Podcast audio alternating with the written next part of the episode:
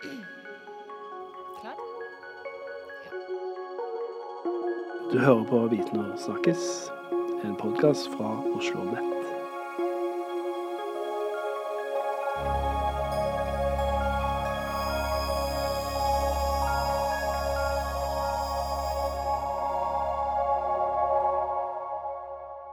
Da er vi tilbake med en ny podkast. Jeg heter Heidi, og denne gangen skal vi snakke om et tema som jeg har gledet meg veldig til å lære mer om. eh, Og det er ungdom og organiserte fritidsaktiviteter. Eh, Vi er så heldige å ha to veldig dyktige NOVA-forskere i studio i dag. Ingunn Marie Eriksen, velkommen. Takk for det. Og eh, Marlene Persson, velkommen. Tusen takk. Eh, Dere er begge forskere ved NOVAs seksjon for ungdomsforskning, og har forsket på ungdom og fritidsaktiviteter med litt ulike innganger. Eh, Men aller først så må jeg på en måte for lytterne våres del eh, høre hva, altså hvordan er deltakelsen blant eh, ungdom i fritidsaktiviteter nå i dag? Nei, hvis vi ser på ungdatatallene, da, for å ta utgangspunkt i de, så er det sånn at eh, fra 2010, og egentlig fram til pandemien i hvert fall, så har andelen unge som er eh, med i en eller annen organisert fritidsaktivitet, den har egentlig vært ganske stabil. Eh, og så er det klart at det kom en ganske stor dupp eh, når ting var stengt under pandemien, og så vet vi jo egentlig ikke helt, eh, helt hvordan det vil se ut nå fremover, om det kommer helt opp igjen på det nivået som har vært, men mye tyder på at når ting åpnet opp igjen, så var ungdom flest tilbake ved de, de tilbudene de hadde drevet med før da, at man var opp igjen på samme nivå. Med unntak av noen aktiviteter, blant annet kunst- og kulturaktiviteter, altså korps og kor og orkester og den type ting. Da. Vet man noe om hvorfor det, de ikke har kommet tilbake? Nei, det er litt vanskelig å si egentlig. Eh, man kan jo tenke seg at eh, de har vært ramma litt annerledes av tiltakene enn eksempel idretten har. Idretten er vel kanskje den aktiviteten som har blitt minst ramma både under pandemien og etterpå. Eh, og man kan jo kanskje se for seg at det har vært lettere å organisere fotballtreninger eh, med de restriksjonene som var enn korpsøvelser, da, for eksempel. Nettopp. Men så ser man jo også ganske store forskjeller i deltakelse, altså i hvem, hvilke, hvilke ungdommer som faktisk deltar i fritidsaktiviteter. Eh, Si litt om, eh, om de forskjellene. Så når det gjelder sosioøkonomiske eh, forskjeller, så ser vi at det er både forskjell på de som starter og de som slutter. Så det er også færre med lavere sosioøkonomisk status som starter på, med, med organisert idrett. Men de som er spesielt eh, underrepresentert, er ungdom med innvandrerbakgrunn. Eh, og hovedårsaken til det er at det er mange som aldri har vært med i det hele tatt. Hvis man skal gå litt nærmere inn på de barrierene altså ungdom har for å eh, delta, eh, hva er det dere ser? Altså, vi kan vel kanskje overordna tenke at det er tre liksom, hovedbarrierer, eller årsaker, da. Det første er vel kanskje det som har fått mest oppmerksomhet, tror jeg, i media. Jeg vet ikke om vi er enig i det, men det har i hvert fall fått mye oppmerksomhet, er penger. Økonomiske barrierer for deltakelse. Og det ser vi jo at er helt uh, reelt. Det er jo noen idretter som koster veldig mye. Uh, og noen koster jo mye mer enn en andre, så det må man jo òg ha med. At det er forskjeller i hvor mye det koster.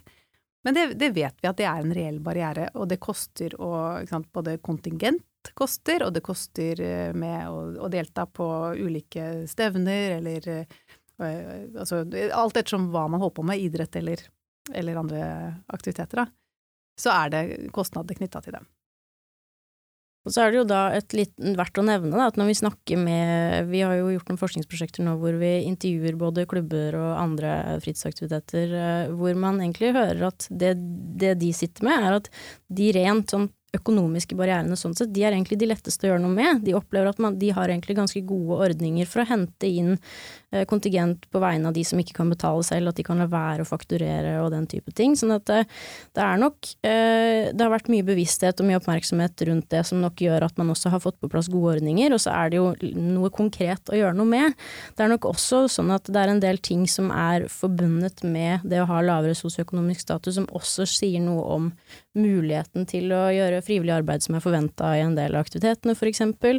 Eller foreldrenes muligheter til å kjøre på treninger, kamper, den type ting. Hvis du er eh, skiftarbeidende trebarnsmor alene, for eksempel, så er det veldig mye vanskeligere enn hvis du er fleksibel, kan ha hjemmekontor og er eh, ja, eh, har to biler i husholdningen og to foreldre og sånne type ting. Da. Så det, det, er jo sånne forhold som også er forbundet med sosioøkonomisk bakgrunn, men som ikke er direkte eh, mulig å påvirke via tilskudd til eh, foreningene, kanskje, da. Ja, så det, er, det, kan man jo tenke seg at det er som den andre hovedårsaken. Så det, hvis den første er på en måte økonomi, så er den andre andre typer ressurser. Har du en fleksibel jobb og masse overskudd når du er ferdig der, så er det litt lettere å stille opp. Det er vel egentlig mye av det det handler om.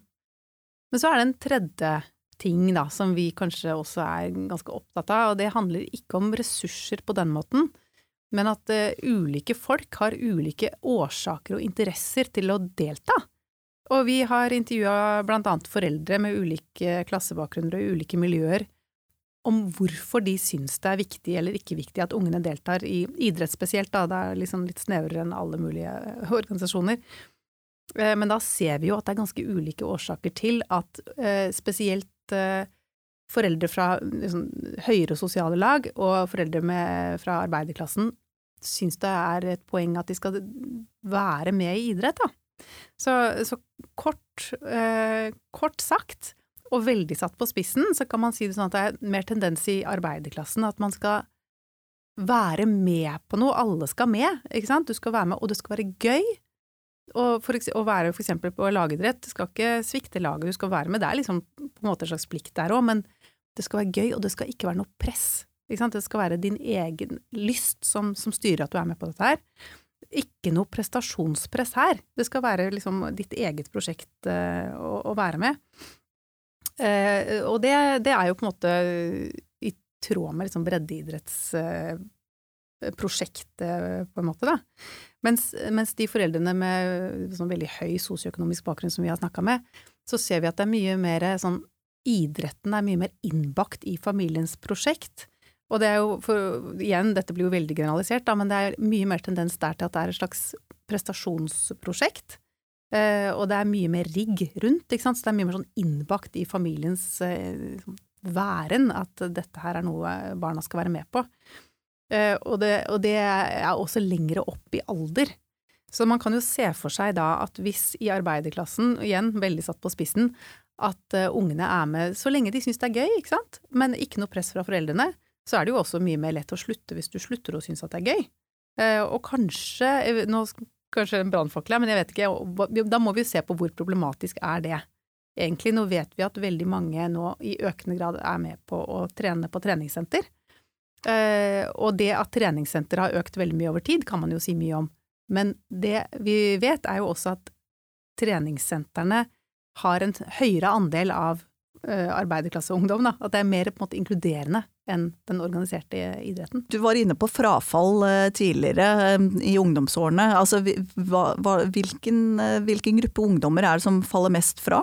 Nei, vi ser jo det at det er de med høy sosioøkonomisk status som bare blir, de blir værende.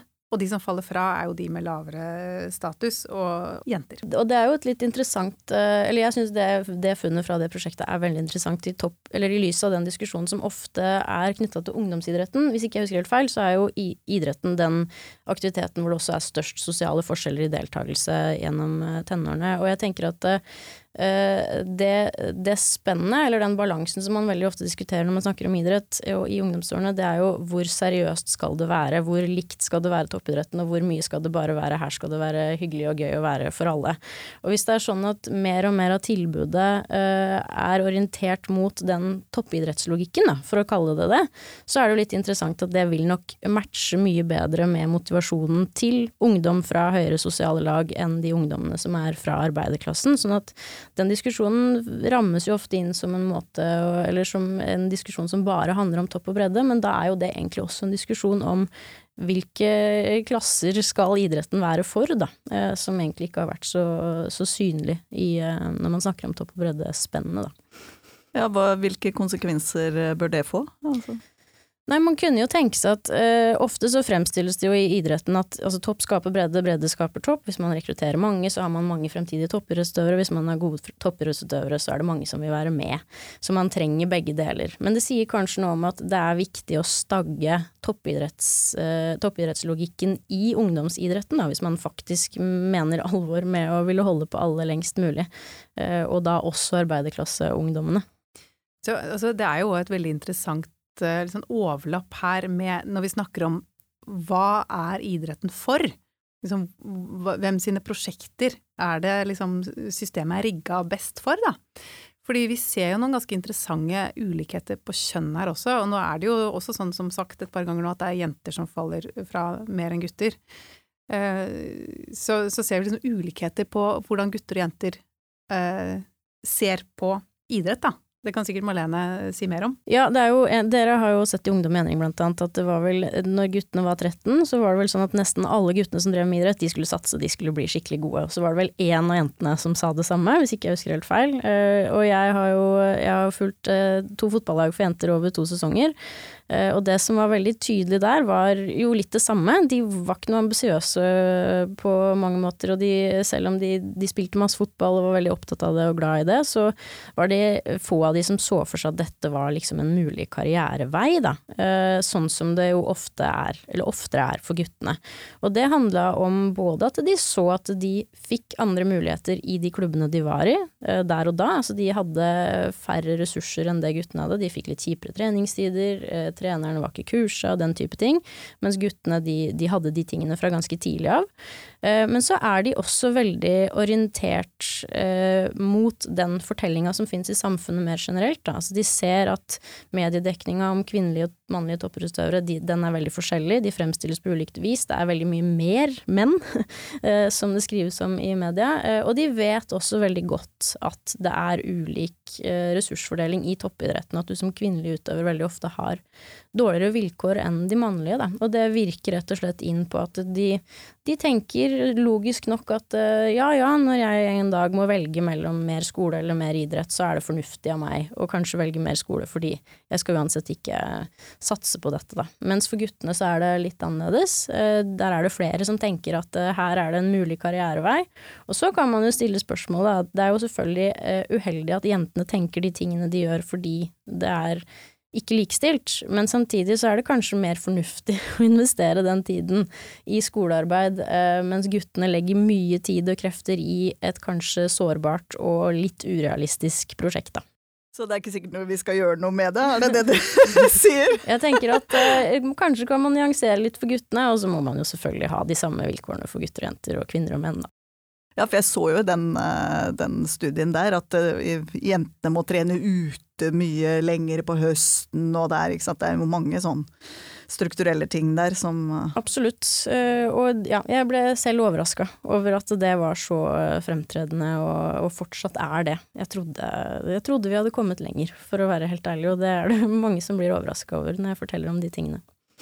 Ja, det kunne man jo håpe at Når vi allikevel er litt over på, på tiltak, altså hva, hva, tenker dere er det viktigste eh, som kan gjøres for å øke deltakelsen, og også gjøre at flere, eh, flere ungdom fra lavere sosiale eh, kår deltar? Vi skal definitivt tenke at det er viktig at alle får delta på, på samme nivå, i hvert fall med de samme mulighetene, da.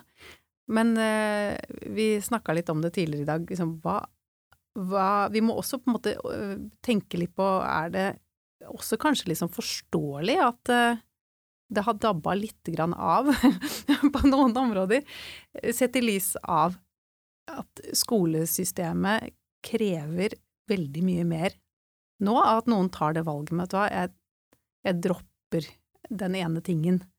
Altså, man kan i hvert fall forstå det på et vis, at det er mye krav på ungdoms liv. Eh, og veldig mye stress og press, og at for noen så blir idrettsdeltakelse eller annen type organisasjonsdeltakelse enda en ting.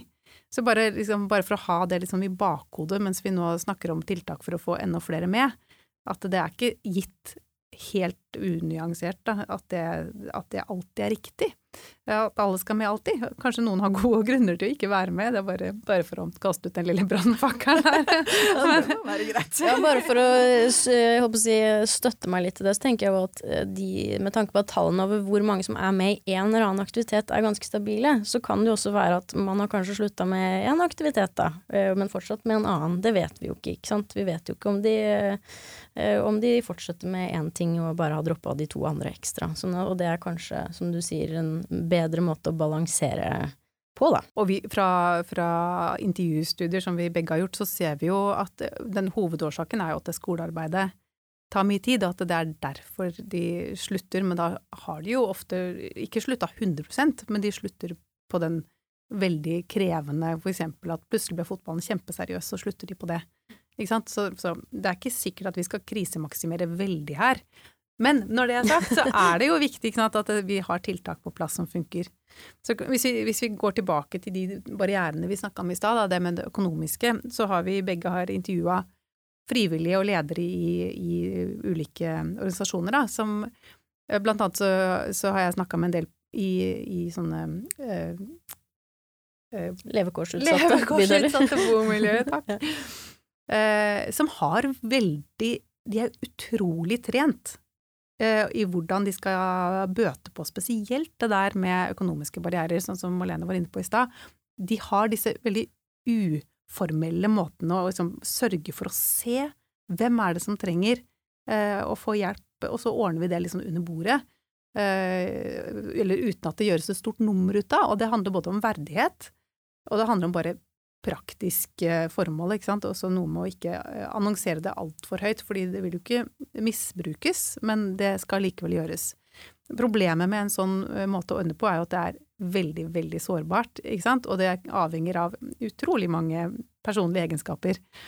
Eh, men så, det, så ser vi også en veldig sånn økt bevissthet blant de som jobber i, i sektoren i, i disse områdene, da om mer formelle informasjonstiltak eh, som må gjøres på mange ulike språk og i, på, i ulike fora. Alt kan ikke gå gjennom eh, skolemeldingsappen, og alt kan ikke gå gjennom Facebook.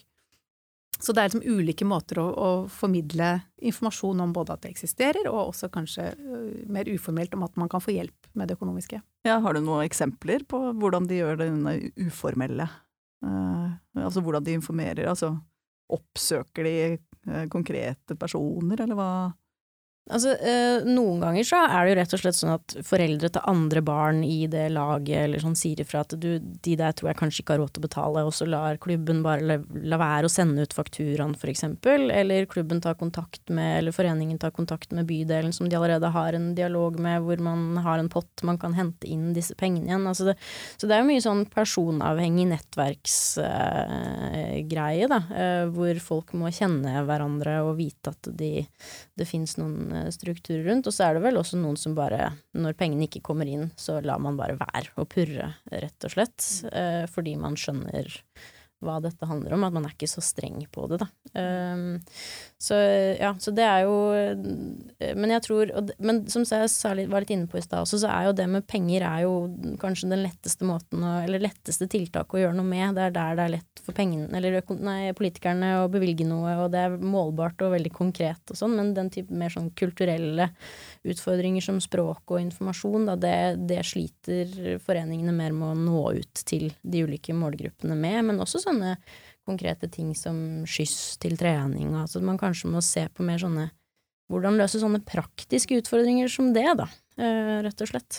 Hvordan ha personer eller eh, ressurser til å kjøre folk til og fra trening, rett og slett. Ja. Men da er vi jo tilbake i den frivillighetsdebatten som har gått nå i det siste i media. Altså hvordan skal de som er frivillige også få til den type ting, da? Eh, I tillegg til alt det andre de gjør. Nei, det, da må man Kanskje kunne man jo tenke seg at noe av de pengene man nå bruker uh, rett inn i organisasjonene, de kan gå til å dekke eksempel å lønne noen til å, til å gjøre det, er jo en mulighet. Uh, når det gjelder den frivillighetsdebatten, så har jo det ofte blitt fremstilt som at dette er innvandrerforeldrene som ikke engasjerer seg, men vi ser jo egentlig at engasjementet er stort sett ganske likt fordelt mellom ulike foreldregrupper, men i noen bydeler i Oslo eksempel, så har uh, på vestkanten så har foreldrene helt andre muligheter muligheter til å betale inn til klubben for å løse, eller som rett og slett gi penger til å løse de frivillighetsutfordringene, sånn at man føler ikke de på samme måte der som man gjør i enkelte østkantbydeler, da. Eh, sånn at eh, jeg tenker det tyder kanskje på at man må være villig til å, til å bruke noe av pengene også på, på å løse de oppgavene som eh, ikke de frivillige helt klarer å løse.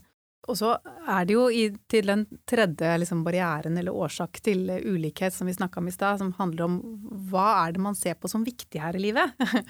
Eh, så er jo det du snakker om nå, Malene, er jo, det er jo, knytter seg jo rett opp til det. For man ser jo at minoritetsforeldre er mer aktive i f.eks. religiøse foreninger. Eh, og, og, som vi snakka om i stad, så er det særlig de med høy sosioøkonomisk bakgrunn som er opptatt av visse typer idretter og visse typer måter å delta på i ungdomstida. Eh, så det er jo en, det er et ganske viktig perspektiv som jeg syns også har blitt litt sånn borte i denne debatten. Liksom, hvorfor driver vi på det, det Jeg syns jo veldig ofte det blir lagt et premiss om at alle må med på idretten samme hva. Og nå, jeg vet at dette her er helt sikkert mange gode grunner til det òg, men som, som eh, ikke spesielt idrettsorientert person, så, så, så, så, tenker jeg at ja, ja, det er jo viktig det òg, men det er jo andre ting som også er viktig i ungdomstida. og det, det, handler også om at det er litt ulikt fordelt i befolkningen hva man syns er viktig. Eh, og også hva foreldrene bidrar med, da. Ja, og det trenger, jo, altså, det trenger jo ikke bare være snakk om idrett her heller. Altså, det er jo mange andre aktiviteter òg, da, som man kan altså, Det er jo litt viktig å altså, For det ble jeg litt interessert i, at det har gått så eh, At det har gått mer ned på korps og, og den type ting ja, da, enn idrett. Vi, så da virker ja. det som det egentlig er et større problem der som man Definitivt. må se på. Definitivt. Altså, det, det, viser jo de nyeste tallene fra, fra Ungdata, at det er egentlig eh, spesielt på kulturaktiviteter, men det er egentlig mest jenter så jenter har ligget ganske mye over gutter på kulturaktiviteter, og det er der nedgangen har vært eh, spesielt uh, stor. Eller skal vi se, hvor stor er den, da? Det er vel mer der den ikke har gått like mye opp igjen, da, etter pandemien, som en del av de andre eh, aktivitetene har. Ja. Eh, men jeg, men jeg syns det er et paradoks, fordi når man følger media Nå er nok jeg litt eh, mer interessert i idrett enn snittet, så det er jo det man får med seg sikkert også, men det har jo ofte virka som at idretten har lidd mest, og de har også da møtt en del politisk velvilje som følge av det. Eh, men man bør jo kanskje også se på hvorvidt man bør sette inn kanskje tiltak tilsvarende retta mot kultur- og kunstorganisasjonene, da. At ikke det bare er de som allerede er veldig dominerende på fritidsfeltet, som eh, får fortsette å dominere, rett og slett. At man må se litt på, på å nyansere det. Og da er det jo lettere å få folk til å delta òg, for det er jo ikke, idrett passer jo ikke for alle. Nei, jeg er jo veldig tilhenger av at det må være, det må være noe for alle, og da må vi Da, da må man vektlegge uh, ulike tilbud like mye, da. Uh, og at det er noen risikoer ved at én type aktivitet er så dominerende som uh, idretten kanskje er noen steder. Det er ikke bare et, utelukkende et gode. Hvis du er den ene gutten i klassen som ikke spiller fotball, så er det kanskje ikke så lett, for eksempel. Eh, helt til slutt, altså hvis eh, dere skulle oppsummere noen oppfordringer til politikerne nå eh, post pandemi for å få deltakelsen opp igjen, og passe på også at ulike grupper eh, deltar mer. Hva vil dere si hvis dere skal komme med én ting hver? bare én ting, for nå hadde jeg en liten liste. nå, liste. Jeg hadde nemlig ja, okay. tenkt å si det der, ting, altså, tenker, det der uh, poenget til Marlene i stad om at uh, gutter og jenter må jo ha de samme vilkårene, det tenker jeg er no-brainer og veldig lett å gjøre noe med. Eller lett, det er kanskje ikke det, men, men, det er noe annet enn på en måte, Det er i hvert fall lettere enn liksom, å endre sånn mentalitetsinn... Altså, men det var ikke det egentlig. Kan jeg si to? Ja. Ja, jeg syns jo at uh, Nå fikk jeg litt dårlig samvittighet fordi jeg var så hard mot idretten i stad. Men For det var litt sånn Det var litt sleivete. Ta selvkritikk. Men, men jeg må si det at eh, vi, vi må ikke glemme kulturaktivitetene uh, i jeg, jeg, føler at de har, de har kommet veldig under radaren. I, det siste, og at den, den aktiviteten har gått veldig ned under korona og ikke kommet opp igjen. Der må vi se om det er noe vi kan gjøre, rett og slett. Og du Malene, hva tenker du er viktigst å ta tak i? Jeg tror det er viktig for organisasjonene som driver med aktivitet til barn og unge, at de har noen forutsigbare rammer å forholde seg til. Eh, og da er man inne på støtteordninger og den type ting. Eh, vi har jo snakka om nå at det kan være veldig personavhengig, f.eks. Eh, det om man får inn økonomisk støtte til, til, til å dekke treningsavgift og kontingenter og sånne type ting. Jeg tror det å ha noen universelle ordninger for det, som man vet at fins, og som man ikke må finne opp for hver bydel eller hver kommune skjønne den type ting. At det er både forutsigbarhet i hvor mye penger det er der, eh, men også at det er noen litt sånn faste rammer. Det tror jeg hadde letta både arbeidet for de frivillige, og så tror jeg det kanskje hadde gjort det lettere å informere foreldre og unge selv da, om at det, det fins noen sånne type ordninger eh, som, å, som dekker over de f.eks. de økonomiske barrierene. Ja, det var en kjempefin eh, oppsummering. Eh, tusen takk til dere begge. Eh, da har i hvert fall jeg lært mye mer om problematikken, så får vi håpe at, at man får gjort noe med, med, disse forskjellene.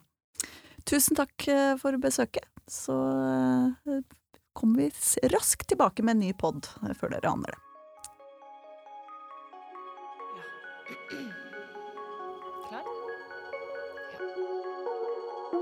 Du hører på Viten og snakkes, en podkast fra Oslo Nett.